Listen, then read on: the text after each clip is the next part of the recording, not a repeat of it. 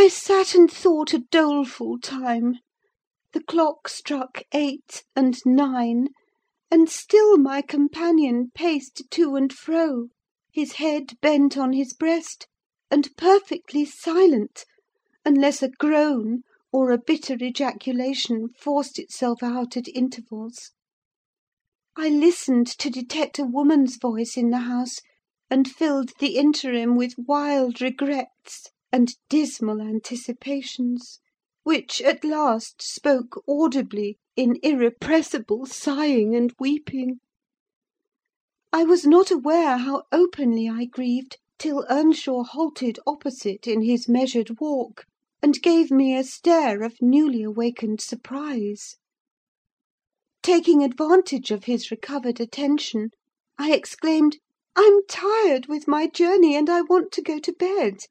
Where is the maid servant? Direct me to her, as she won't come to me." "We have none," he answered. "You must wait on yourself." "Where must I sleep, then?" I sobbed. I was beyond regarding self respect, weighed down by fatigue and wretchedness. "Joseph will show you Heathcliff's chamber," said he. Open that door: he's in there."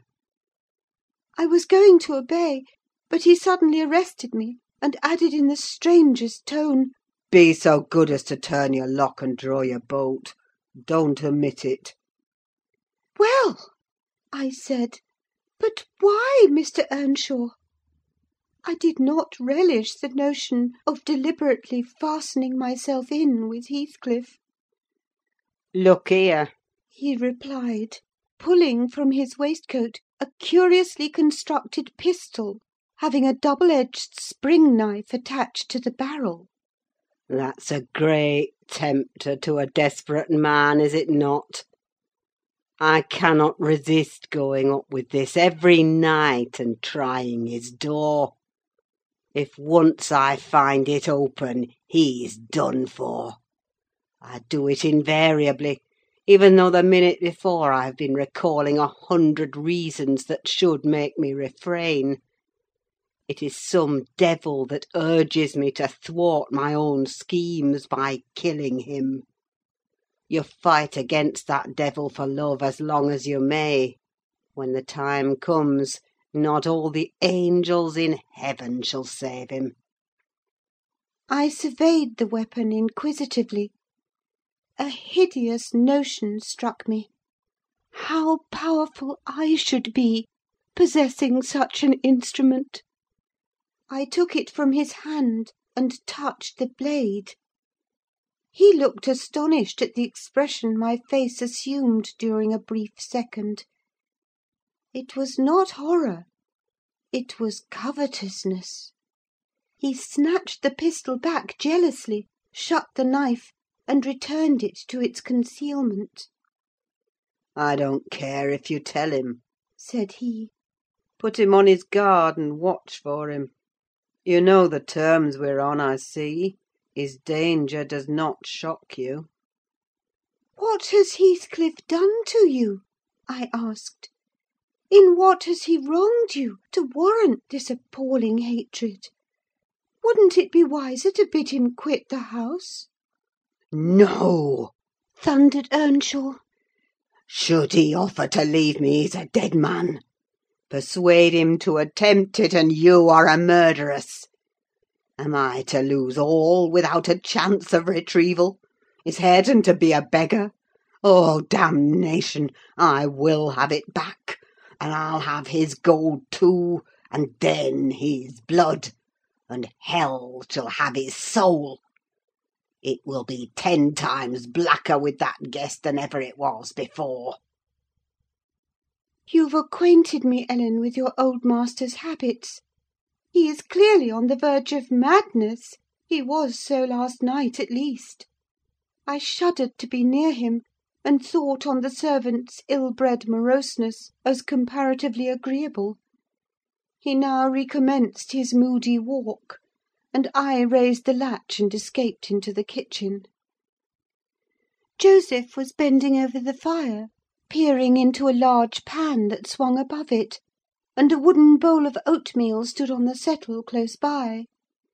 The contents of the pan began to boil, and he turned to plunge his hand into the bowl. I conjectured that this preparation was probably for our supper; and, being hungry, I resolved it should be eatable; so, crying out sharply, "I'll make the porridge!" I removed the vessel out of his reach, and proceeded to take off my hat and riding habit. "Mr. Earnshaw," I continued, "directs me to wait on myself. I will. I'm not going to act the lady among you, for fear I should starve." "Good Lord!" he muttered, sitting down, and stroking his ribbed stockings from the knee to the ankle. If there's to be fresh authorings, just when I'm getting used to two maisters, if I mun hev a mistress set over my head, it's like time to be flitting. I niver did think to see t' day that I mud leave the old place, but I doubt it's nigh at hand." This lamentation drew no notice from me.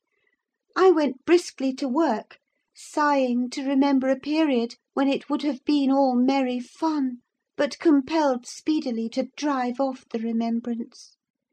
It racked me to recall past happiness, and the greater peril there was of conjuring up its apparition, the quicker the thible ran round, and the faster the handfuls of meal fell into the water. Joseph beheld my style of cookery with growing indignation. "Theere!" He ejaculated. "Hareton, thou willn't sup thy porridge to neat: there'll be nowt but lumps as big as my neave. Theere, again! I'd fling in bowl and all, if I were ye. There, pail to gilp off, and then ye'll ha' done with it. Bang, bang! It's a mercy t' bottom isn't cleaved out." It was rather a rough mess, I own, when poured into the basins. Four had been provided, and a gallon pitcher of new milk was brought from the dairy, which Hareton seized, and commenced drinking and spilling from the expansive lip. I expostulated, and desired that he should have his in a mug, affirming that I could not taste the liquid treated so dirtily. The old cynic chose to be vastly offended at this nicety, assuring me repeatedly that the bairn was every bit as good as I, and every bit as wholesome, and wondering how I could fashion to be so conceited.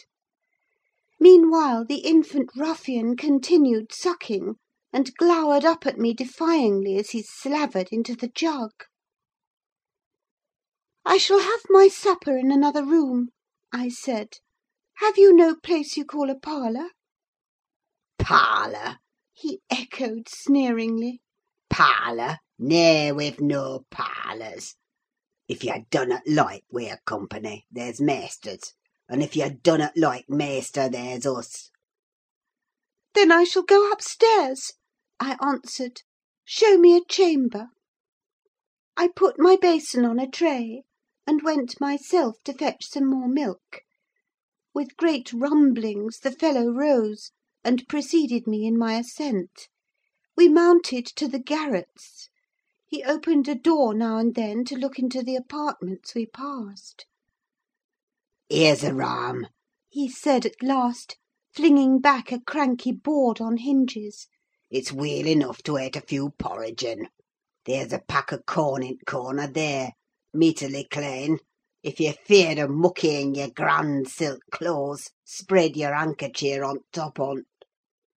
The rahm was a kind of lumber hole, smelling strong of malt and grain, various sacks of which articles were piled around, leaving a wide bare space in the middle. "Why, man!" I exclaimed, facing him angrily, "this is not a place to sleep in. I wish to see my bedroom." "Bedroom!" he repeated in a tone of mockery. "Yah see ult bedrooms theer is: yon's mine." He pointed into the second garret, only differing from the first in being more naked about the walls, and having a large, low, curtainless bed, with an indigo–coloured quilt, at one end. "What do I want with yours?" I retorted. I suppose Mr. Heathcliff does not lodge at the top of the house, does he?" "Oh, it's Mr. Heathcliff's you're wanting!" cried he, as if making a new discovery. Couldn't ye ha' said so at onst? Un then I mud ha' telled ye, about all this wark, that that's just one ye cannot see. He allus keeps it locked. Un nob'dy iver mells on't but hisseln." "You've a nice house, Joseph," I could not refrain from observing, "and pleasant inmates; and I think the concentrated essence of all the madness in the world took up its abode in my brain the day I linked my fate with theirs. However, that is not to the present purpose. There are other rooms: for heaven's sake, be quick, and let me settle somewhere." He made no reply to this adjuration, only plodding doggedly down the wooden steps, and halting before an apartment which, from that halt and the superior quality of its furniture, I conjectured to be the best one. There was a carpet, a good one, but the pattern was obliterated by dust; a fireplace, hung with cut paper, dropping to pieces; a handsome oak bedstead, with ample crimson curtains of rather expensive material and modern make, but they had evidently experienced rough usage. The valances hung in festoons, wrenched from their rings, and the iron rod supporting them was bent in an arc on one side, causing the drapery to trail upon the floor. The chairs were also damaged, many of them severely, and deep indentations deformed the panels of the walls. I was endeavouring to gather resolution for entering and taking possession, when my fool of a guide announced, "This here's t' maister's." My supper, by this time, was cold, my appetite gone, and my patience exhausted. I insisted on being provided instantly with a place of refuge and means of repose. "Where the divil," began the religious elder, "the Lord bless us, the Lord forgie us! Where the hell would ye gang, ye mad, wearisome nowt? Ye've seen all but Hareton's bit of a shamer: there's not another oil to lig down in in't house." I was so vexed, I flung my tray and its contents on the ground, and then seated myself at the stairs' head, hid my face in my hands, and cried. "Ech, ech!" exclaimed Joseph. "Weel done, Miss Cathy! Weel done, Miss Cathy! Howsiver, t' maisters'll just tumble o'er them broken pots, and then we's hear summat. We's hear how it's to be. Good for nowt, madling! You desarve pining fro' this to Christmas, flinging t' precious gifts o' God under foot in your flaysome rages. But I'm mista'en if you show your sperrit lang. Will Hathecliff bide sich bonny ways, think ye? I nobbut wish he may catch ye, that plisky! I nobbut wish he may!" And so he went on scolding to his den beneath, taking the candle with him, and I remained in the dark.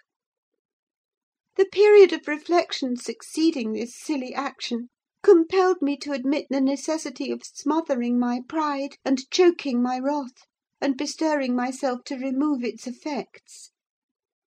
An unexpected aid presently appeared in the shape of Throttler, whom I now recognised as a son of our old skulker.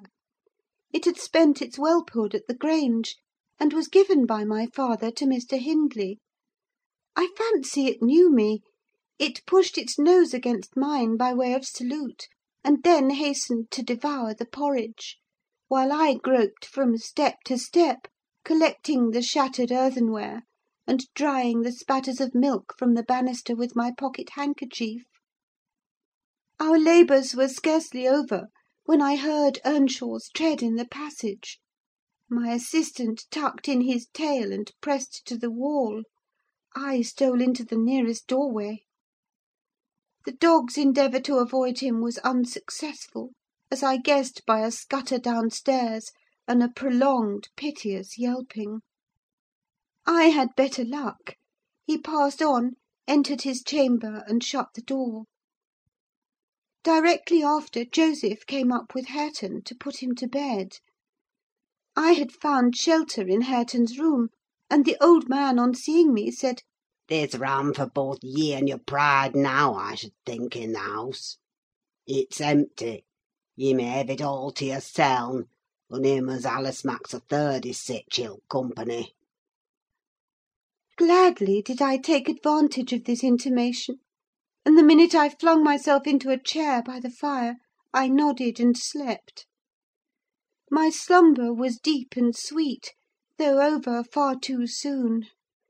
Mr. Heathcliff awoke me. He had just come in, and demanded, in his loving manner, what I was doing there. I told him the cause of my staying up so late: that he had the key of our room in his pocket. The adjective "our" gave mortal offence. He swore it was not, nor ever should be mine; and he'd—but I'll not repeat his language, nor describe his habitual conduct. He is ingenious and unresting in seeking to gain my abhorrence. I sometimes wonder at him with an intensity that deadens my fear. Yet, I assure you, a tiger or a venomous serpent could not rouse terror in me equal to that which he wakens.